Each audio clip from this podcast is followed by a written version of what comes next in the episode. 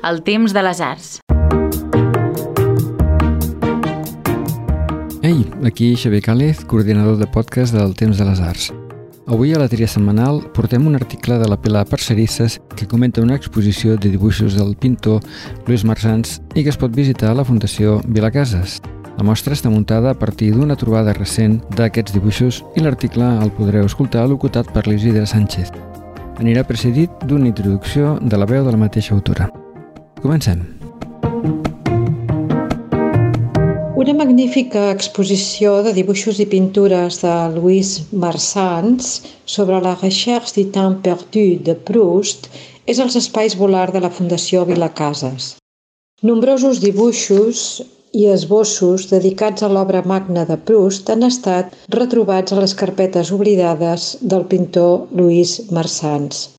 Els dibuixos evoquen els personatges i escenes prustianes de la recherche amb gran simplicitat, amb tinta, grafit o pastel, on caricaturitza cadascun dels protagonistes novel·lats.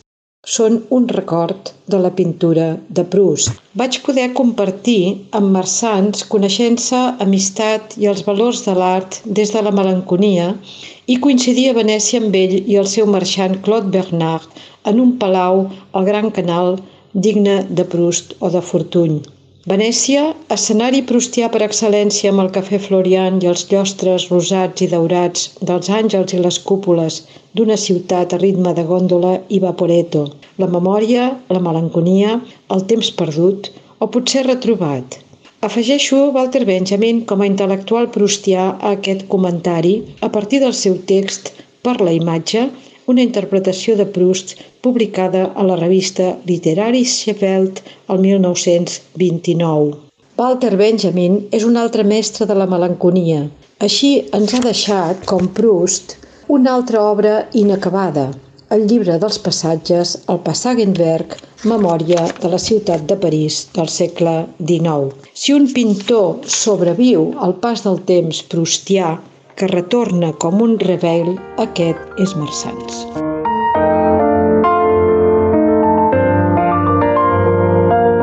Hola, sóc Damià Morós. Potser m'hauran sentit a La Reserva, el podcast de patrimoni del temps de les arts. Si no ho han fet i els hi agrada l'art, els museus, els monuments i allò que té a veure amb la cultura del nostre passat, ens poden seguir al podcast La Reserva del temps de les arts.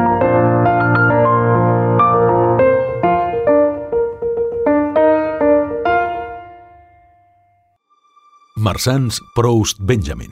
La memòria d'un temps perdut.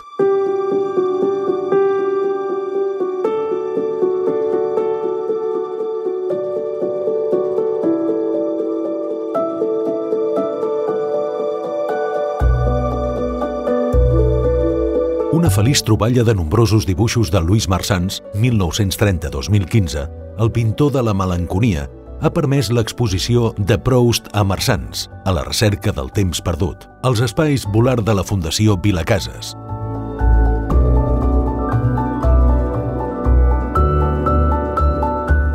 Marsans, pintor del silenci, de la memòria, del temps mort, de la durada de la lectura o del temps de l'escolta musical, mostra en aquest recull de dibuixos les afinitats electives entre la seva obra pictòrica i l'obra literària de Marcel Proust. Un recull que no es pot considerar una simple il·lustració de l'obra magna de Proust, sinó una immersió total en transposar l'obra literària de la recerca en imatges. L'obra de Louis Marsans reapareix de tant en tant en la dinàmica expositiva i ens sorprèn agradablement amb una obra que expressa el temps en una natura morta, ja es tracti dels lloms dels llibres en una biblioteca, de partitures musicals, d'uns canelobres, d'un ram de mimosa, d'un jardí o d'una visió crepuscular de la seva estimada Venècia.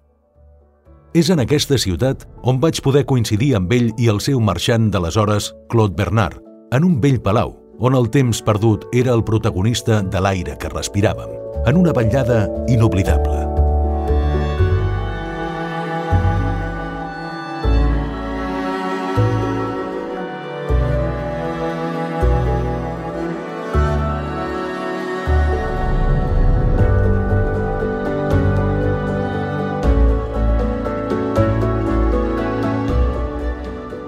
Venècia expressa el seu passat esplendorós i decadent amb reflexos d'or matinals de l'àngel del campanile de Sant Marc que feia feliç al Prus infant que descriu amb Albertín, desapareguda dos.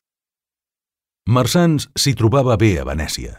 Hi havia el rastre d'un temps perdut, que encara respiren els vells palaus, les cúpules daurades i les aigües dels canals. Marsans ha estat un pintor viatjat, de cultura parisenca i americana. Recordem que durant la Guerra Civil la família viu a París i el 1947, amb 17 anys, viatja als Estats Units d'Amèrica i a Mèxic, on coneix Salvador Dalí i l'artista Ismael Smith. Diríem que l'impacte del dandisme en els personatges d'Ismael Smith és encara present en la figuració que transforma en imatges l'obra literària de la Recherche. Ens recorda també els temps de Laura Albéniz, la filla del compositor, escriptora i artista brillant d'aquest temps crepuscular i perdut de final del segle XIX. De retorn a Barcelona, el 1948, es relaciona amb Ramon Rogent, Joan Pons i els artistes de Dau al Set però segueix viatjant a França, a Ais de Provença, per conèixer l'arquitecte Walter Gropius i aprofundir en l'obra de Cézanne. A partir de mitjan dels anys 50, Marsans construeix la seva pròpia obra i trajectòria entre figuració i abstracció, amb amistats influents, però no determinants en la seva obra com Marcel Duchamp, l'arquitecte J.A. Couderc i els escriptors J.E. Sirlot i Ramon Galla. Entre 1966 i 1972 es dedica intensivament a la Recherche du temps perdu, il·lustracions que exposa a la Galeria 13 de Barcelona el 1972 i 10 anys més tard al Museu Balzac de París. Reprèn la recerca prustiana, els últims anys de la seva vida reelaborat els personatges de la Recherche per a un llibre que no va veure la llum. Ara, podem gaudir novament d'aquest repertori de personatges i d'escenes prustians, en què domina el negre sobre el blanc del paper, en tinta i grafit, o bé en guaix i pastel, excepcionalment. Sovint, els personatges són fets d'una taca com a vestit i barret amb un perfil al rostre, gairebé caricaturesc. A vegades és un simple contorn dibuixat d'un sol traç. En altres, com és el cas de les parelles, és la confrontació d'un personatge negre, el masculí, i el femení, en blanc. En qualsevol cas, aquestes figures són un record de la lectura de la Research d'aquests 13 volums autobiogràfics que descriuen una vida no pas com ha sigut, sinó com aquell que l'ha viscut se'n recorda. I és aquí on es qüestiona l'anomenada memòria involuntària de Proust, quan hom es pregunta si no estaria més propera a l'oblit que allò que anomenem record. Proust va ser el primer que va fer del segle XIX una matèria per a memorialistes i justament comença la història de la seva vida amb un rebell.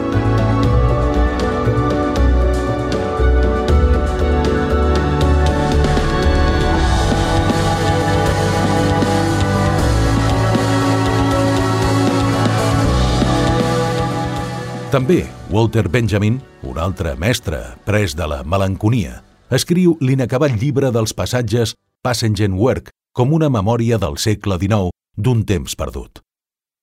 Veu en Proust la possibilitat de transposar el despertar individual tal com la Research el dona a entendre, el pla de la col·lectivitat social, a fi d'escapar del mal son de l'etern retorn del que és nefast. I és Benjamin, traductor de Proust, que escriu al diari intel·lectual d'esquerres Literarische Welt, el 1929, l'article Zoom Bild de Proust, per la imatge de Proust. Un text que intenta emplaçar la imatge en l'obra de Proust i també la imatge que Proust ha donat d'ell mateix. I això és també el que fa Marsans amb els seus dibuixos. Però Benjamin tenia por de contaminar-se i d'enverinar la seva escriptura de Proust. Si bé és cert que la sèrie de textos d'infància a Berlín cap a 1900 que Benjamin escriu en part al final de la seva vida és una reescriptura minimalista i fragmentada, assumida i reivindicada de la Recherche. Així ho veu Robert Kahn, traductor al francès d'aquest text de Benjamin sobre Proust, on a més hi constata una proximitat vers la cèlebre tesi l'obra d'art a l'època de la seva reproductibilitat tècnica amb les idees i la pràctica de l'àvia del narrador. Aquesta no ofereix pas a l'infant les fotos dels llocs desitjats, sinó els dibuixos, els gravats o els artefactes més pròxims de l'original. A nivell de llenguatge, nominar, donar noms, és l'essència de la creació. I Proust ho fa intentant posar els noms a les coses, als esdeveniments, als éssers. També ho és per Walter Benjamin, que ho defensa ja en un text de 1916, exemple de mística del llenguatge i de la seva capacitat mimètica. I Proust, en el carnet de 1908, matriu de la seva gran novel·la, menciona la Zohar, i és des d'un punt de vista jueu que també es pot analitzar la research. En la transposició del llenguatge a la imatge que es deriva de l'obra prustiana, també Louis Marsans crea en la pintura i el dibuix una essència lingüística que anomena les coses i prou. No més narrativa, en una aplicació justa del nom amb la cosa. Així, estalvia detalls superflus en els seus dibuixos i en pocs traços s'anomena el personatge. Amb les biblioteques fa el mateix. Anomena el genèric llibres, però no entra en el detall de quin llibre es tracta.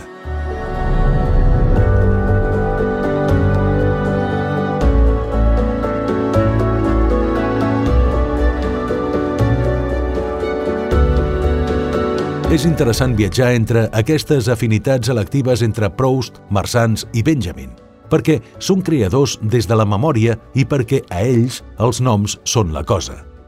Robert Kahn ens recorda que la tercera part de Du côté chez Swann es titula Noms de P, Lenormand Prost desplega un esbós dels grans somnis de la toponímia de diversos llocs i sobre els significats de Bayó, Lambel, Cotans, Balbec, on s'hi pot llegir els noms perquè són l'asil dels somnis, són els amants del desig, frase que devia plaure molt a Walter Benjamin i segur també a Marsans.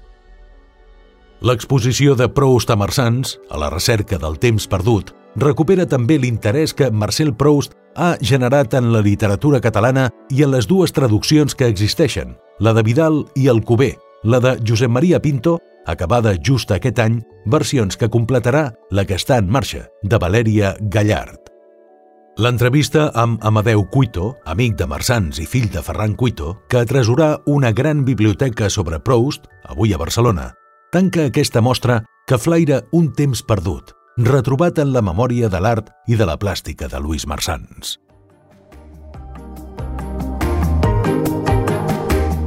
I fins aquí la tria setmanal del Temps de les Arts.